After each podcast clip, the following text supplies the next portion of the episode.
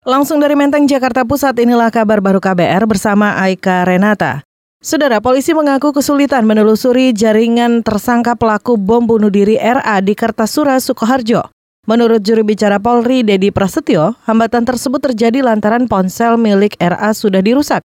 Sementara melalui ponsel tersebut bisa ditemukan jejak digital yang menghubungkan RA dengan jaringannya. Ya barusan tim Indonesia 88 pakai ini untuk memintain keterangan cuman belum full menjelaskan bahwa handphone yang bersangkutan sudah dirusak dari laboratorium uh, digital forensik kita agak sedikit mengalami hambatan untuk bisa mengselebrate daripada handphone itu.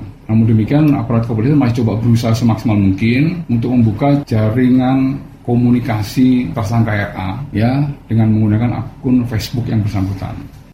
Menurut juru bicara Polri Dedi Prasetyo, akun Facebook RA merupakan bukti digital pada saat dirinya membayar diri kepada ISIS dan kepolisian juga akan menelusuri jejak digital percakapan RA dengan jaringan JAD. Dedi menyatakan sampai saat ini aksi bom bunuh diri yang dilakukannya tidak direncanakan bersama atau lone wolf. Kita beralih saudara lembaga keuangan global termasuk Dana Moneter Internasional IMF dan Bank Dunia berencana menghadiri konferensi pimpinan Amerika Serikat mengenai ekonomi Palestina bulan ini. Rencana konferensi mengenai ekonomi Palestina di Bahrain diragukan dan keraguan muncul sebab para pengusaha dan pemimpin Palestina memutuskan untuk menjauhinya gara-gara sikap bias Washington yang pro-Israel. Sementara itu pemilihan umum baru Israel, lonjakan dalam perang lintas perbatasan disebut menambah rumit rencana perdamaian.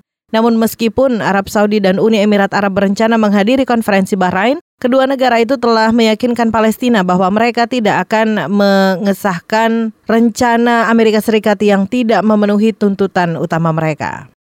Kita beralih saudara jumlah kendaraan yang hendak menyeberang ke Pulau Bali melalui pelabuhan Ketapang Banyuwangi Jawa Timur pada H plus 2 Hari Raya Idul Fitri 2019 mulai meningkat. General Manager PT ASDP Ketapang Banyuwangi Fahmi Alweni menyatakan jumlah kendaraan roda 2 dan roda 4 yang menyeberang naik lebih dari 100% dari tahun lalu. Dari Ketapang biasanya terurai. Terurai karena bahkan sampai setelah hari posko pun itu masih mengalir. Nah, tapi kami prediksi bahwa tanggal 16 di H plus itu puncak tertinggi jatuh di di lintas Ketapang. General Manager PT ASDP Ketapang Banyuwangi Fahmi Alweni menambahkan armada kapal yang dioperasikan pada arus balik tahun ini mencapai 32 unit. Sementara itu penambahan kapal baru akan dilakukan jika lonjakan penumpang meningkat. Kita ke satu informasi dari dunia olahraga saudara kejutan yang dibuat Amanda Anisimova dengan menyingkirkan juara bertahan Simona Halep memastikan akan ada juara tunggal putri baru pada turnamen tenis Prancis terbuka tahun ini. Arena tunggal putri Roland Garros menyisakan empat semifinalis yakni Johanna Konta, Ashley Barty, Amanda Anisimova, dan Marketa Vondrosova. Di babak semifinal, Amanda Animis, Anisimova dari Amerika Serikat akan menantang Ashley Barty dari Australia. Sedangkan Johanna Konta dari Inggris menghadapi Marketa Vondrusova dari Republik Ceko. Semifinal sendiri akan dimainkan pada Jumat waktu setempat atau Sabtu sore mendatang.